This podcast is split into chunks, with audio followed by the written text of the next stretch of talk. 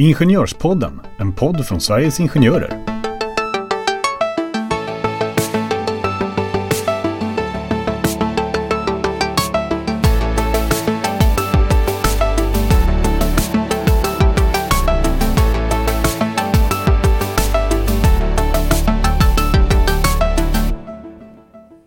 En tid där inflationen är skyhög, världen kantas av oro såsom krig och inflation och lågkonjunktur så är nu löneförhandlingarna för industrin avslutad och det så kallade märket är nu satt. Gäst hos oss idag är vår egen förhandlingschef Camilla Frankelius som har varit här i podden eh, tidigare och nu är jag så nyfiken att få höra lite mer om avtalsrörelsen och förhand hur förhandlingarna har gått till. Det här blir spännande. Välkommen till Ingenjörspodden.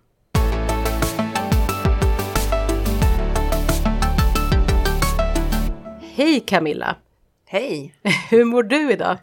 Nej, men jag, mår, jag mår bra idag. Eh, jag kan säga att eh, det har ju varit en, eh, en tuff och intensiv tid så mm. att eh, dagen efter förhandlingarna då, då hade jag någon form av sån här tomhet eh, eftersom att vi har jobbat så hårt och det har mm. varit eh, intensiva dagar, då var det lite så här, jaha, okej. Okay. Vad ska du göra nu? Precis, det var lite så faktiskt. Och vad gjorde du då? då? Har du någonting som du äter som är liksom någon sån här okynnesätning eller sover du eller tittar du på någon film eller vad gör du? Nej, nej faktiskt inte egentligen utan eh, man kan väl säga så här att eh, det gick tack och lov snabbt över mm. så det här var ju på lördagen så på söndagen så kändes allting faktiskt normalt igen så att eh, så det gick eh, fort över. Men man får ägna sig åt lite hushållssysslor så som man ju får göra på eh, helgerna numera. Mm. Superwoman helt enkelt. Ja. Men du Camilla, under eh, presskonferensen som hölls direkt efter att avtalet var tecknat, då fick ju vi höra då att eh, märket blev 7,4 procent och det här är fördelat på två år. Där 4,1 procent är utfallet första året och 3,3 eh, procent är utfallet andra året. Och det här låter ju väldigt högt. Jag vet ju att det här är historiskt högt. Mm. Eh, men vi vet ju också att första året här så kommer det ju vara reallönesänkningar. Vi har ju en väldigt hög inflation. Så att med tanke på det, hur, hur nöjda ska vi egentligen vara med, med, med det här märket? Ja, men jag tycker ju att vi ska vara nöjda. Mm. Eh, vi har ju ställt ett yrkande på 4,4 procent mm. och där har vi ju nått eh, 4,1 och det är också faktiskt kan man säga verkligen historiskt. Det är 93 mm. procent av det yrkandet. Så bra har vi aldrig lyckats tidigare. Mm. Men det är ju som du säger, det är en väldigt speciell tid. Mm. Men skälet också kan man väl säga till att vi inte har dragit på då eh, och ställer yrkanden som då trumfar inflationen det är ju för att vi vet att då väntar någonting mycket värre mm. därefter. Då hjälper vi till att spä på inflationen och vi riskerar att hamna i en sån här löne och prisspiraldel. Nu tror vi med lite då modesta ökningar ändå att vi faktiskt eh, kan bidra till att våran inflation eh, faktiskt inte då ökar och utan snarare kommer tillbaka då i en mm. bättre del. Så att det är klart att jag hade varit mycket gladare om jag fick sitta här och säga att nu har vi sett till att ni har fått reallöneökningar mm. även detta år. Mm. Men så är det ju som sagt tyvärr inte. Men vi tror faktiskt att vi kan närma oss dem mycket snabbare genom det här sättet. Och vi pratade lite om det här eh, för er som vill lyssna mer i eh, förra avsnittet så pratade vi med eh, förhandlingschefen för industri eh, om just inflationen och hur Ja, i andra länder pratade vi om, bland annat Tyskland, så har man ju hört att ja, men där var ju summan eller siffran mycket högre och varför har vi inte det här? Men då är det här det som är eh, skälet och förklaringen helt enkelt. Ja, men det är det, men jag tycker också att man ska vara lite noggrann med alltså de tyska avtalen till exempel, men även de finska avtalen. Mm. Vi matchar dem väldigt bra. Mm. Eh, de ser lite annorlunda ut än, än eh, vad, vad, vårt avtal faktiskt gör här. Mm. Eh, och det tyska avtalet till exempel, eh, de får inte sina löneförhöjningar förrän åtta månader efter att det börjar gälla. Så det finns liksom mm. lite olika konstruktioner. Ja, mm. precis, som gör mm. att vi, vi, vårt avtal relativt de andra ser faktiskt ändå ganska så bra ut skulle jag vilja säga. Så svaret är ändå att man ska vara ganska nöjd med eh, att reallönesänkningen är inte lika eh, låg som den kunde ha varit då. då. Ja, så kan man ju sammanfatta det. ja. ja, nej det är bra.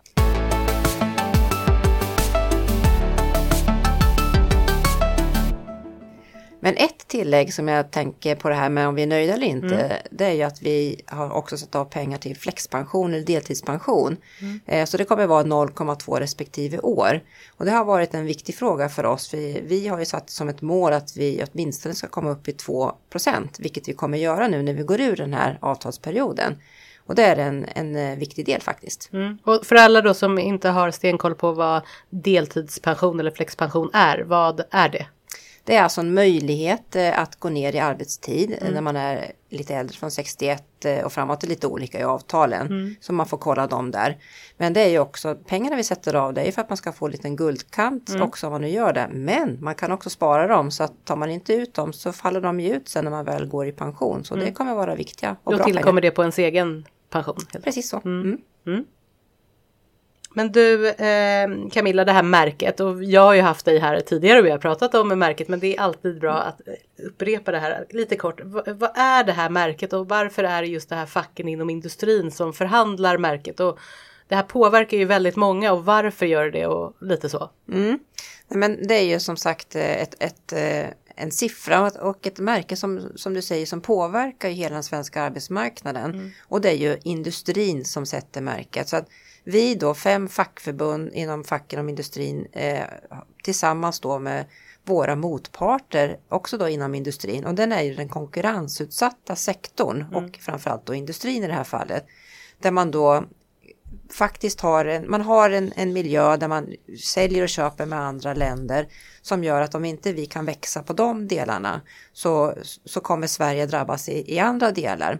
Och, eh, och då, det är åter en sak just kring det här med inflationen också. Den inhemska marknaden, de kan ju höja sina priser. Mm. För de konkurrerar kanske inte på samma sätt. Medan internationellt när man ska ut med sina saker och sälja dem, det är då vår BNP kan växa och det är då vi också kan se till att vi har en tillväxt i Sverige. Så därför är vi beroende av att det är just kanske industrin i det här fallet då som ju faktiskt ska sätta det här märket för att vi vet vad tål Sverige? Vad mm. kan vi fortsätta leva av eh, framöver och att vi inte själva så att säga går in i fällan med att eh, vi tittar på den inre marknaden här och eh, för då skulle vi få en situation som inte skulle kunna vara hållbar då eh, internationellt sett. Mm.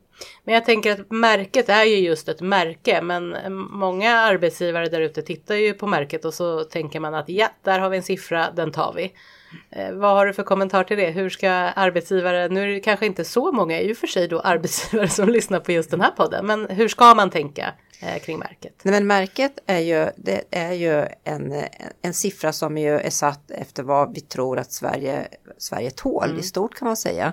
Det finns, kommer finnas de som tycker att det här är alldeles för högt, mm. att kanske mer än vad de klarar av att betala. Mm. Men det tycker vi ju faktiskt också är viktigt ur en konkurrenshänseende kan man säga för, för arbetstagarna, att de ska faktiskt kunna veta att jag, mm. även jag, fast jag jobbar kanske på en arbetsplats som inte är konkurrensutsatt, ska ha en möjlighet faktiskt också till en bra löneutveckling utveckling.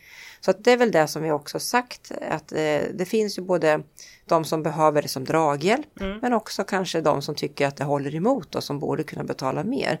Och märket är ju också viktigt att kommentera, det är faktiskt in, inte ett tak heller. Nej. Som säger att absolut så här ska det se ut på varenda arbetsplats mm. för så är det faktiskt mm. och så ska det inte heller vara. Det finns andra saker som spelar in. Dels en del avtalskonstruktioner lokalt men faktiskt kanske också hur, hur det går. Har man gjort jättefina vinster så ska naturligtvis de anställda få ta del av det. Nej men precis, och det där är väl återkommande att man tror att märket just är en satt siffra men man kan då eh, både gå under om det skulle behövas men också faktiskt gå över. Det finns ingenting som hindrar det. Nej. Och det är väl, för det tycker jag är en viktig eh, eh, punkt att eh, framhäva helt enkelt. Men eh, Camilla, var alla, du sa att förhandlingarna ändå gick bra. Var alla glada och nöjda då hela, hela vägen under förhandlingen? Eller var det diskussion om konflikt någon gång? Eller hur, hur gick det nu? Vi fick ju liksom inte veta någonting. Vi kunde inte prata med dig innan för då kan man ju avslöja lite hur förhandlingarna går. Men nu har vi ju dig här för att avslöja allt du kan avslöja, tänker jag. Ja, precis. Nej, men alla, ja, men alla gott humör och mm. eh, positivt sådär. Det, det, måste man ju ha när man sitter och förhandlar. Men det är klart att det finns ju saker som är väldigt tuffa. Det är svåra beslut att fatta.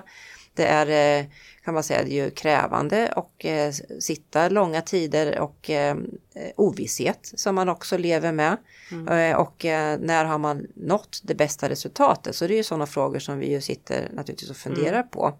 Och det är väldigt mycket väntetid i det hela. Mm. Men jag skulle väl klart att vi att det har varit frågor som har gjort oss lite arga eller upprörda eller saker som vi behöver liksom mm. hantera då.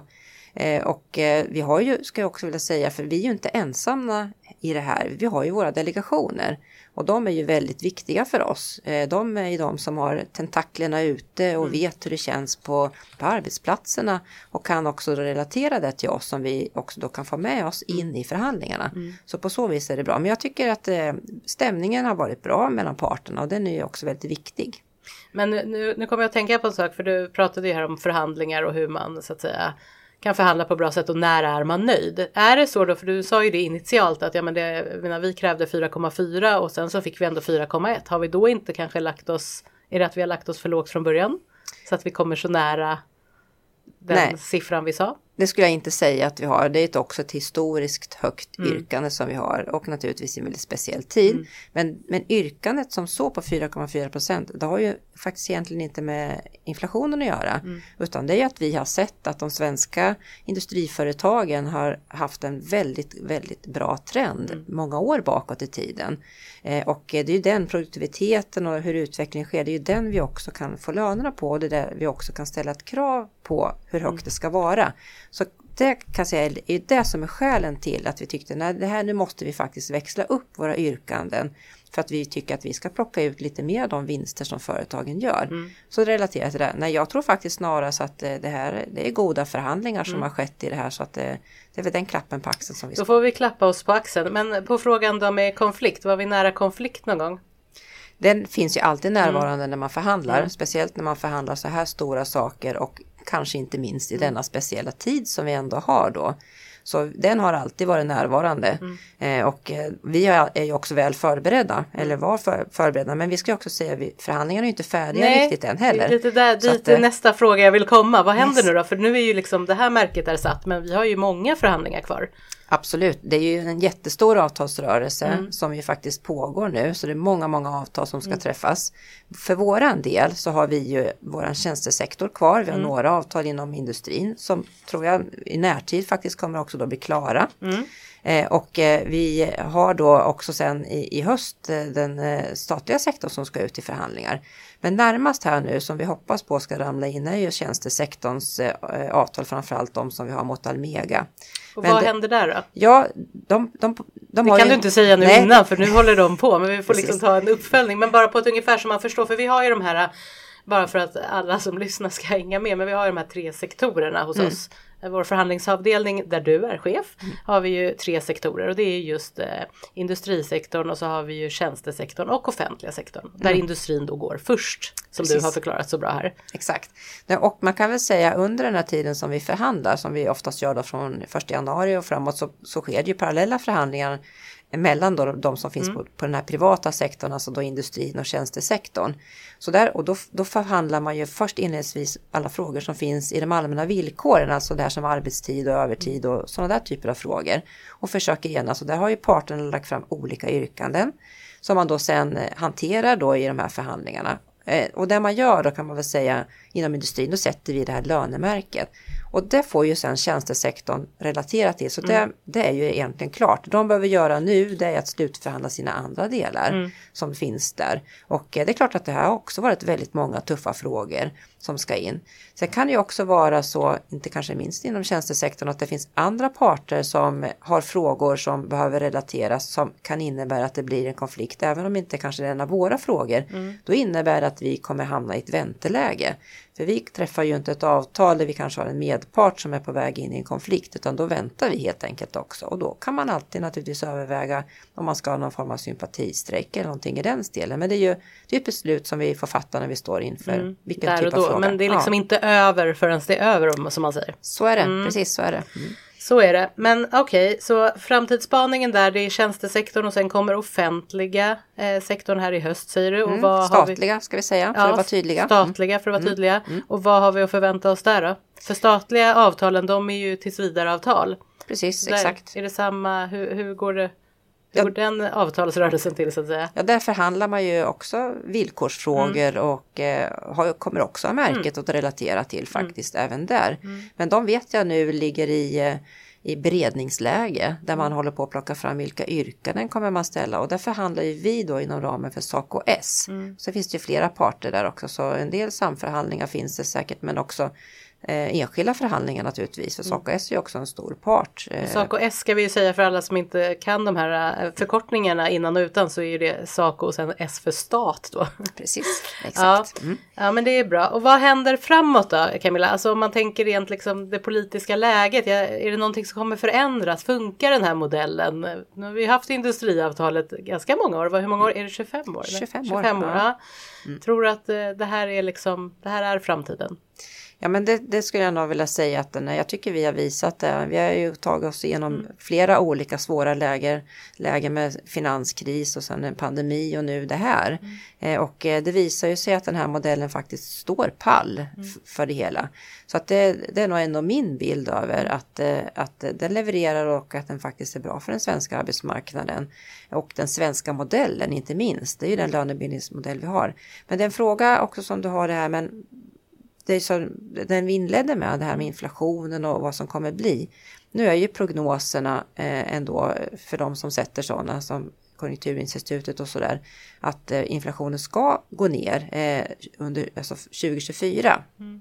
Och det hoppas vi verkligen på att de har rätt. Men vi tycker så här, nu har vi, vi har gjort vårt. Vi har försökt att se till att vi får balanserade löneökningar.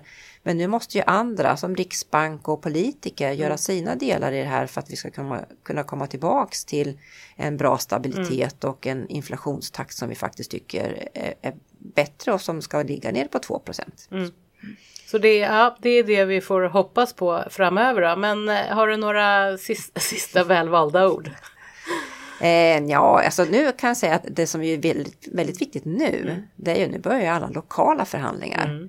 Och det är ju, säga, det är ju där egentligen det, det sker. Mm. Eh, och det, när det verkligen ska omsättas. du tänker på har... lokal lönebildning? Ja, mm. precis. Mm. Alltså när vi har satt nu märket här så ska ju faktiskt eh, det ut till alla företag och arbetsplatser och så ska man ju börja förhandla lönerna där och eh, våra medlemmar ska få sina löner. Så att man kan säga att nu kanske det riktiga arbetet faktiskt verkligen börjar. Så att eh, det medskick jag vill göra är ju att jag håller tummarna att det ska gå bra men också att vi finns här mm. ifall det skulle vara något som är problematiskt eller någonting som inte fungerar. Då får man höra av sig till oss här på Sveriges Ingenjörer. Det får man verkligen göra. Ja, men Camilla, eh, för mig var det här väldigt lärorikt. Jag hoppas att det var det även för er som lyssnar där ute. Men ja, med de slutorden från eh, Camilla Frankelius så säger vi väl tack och hej då.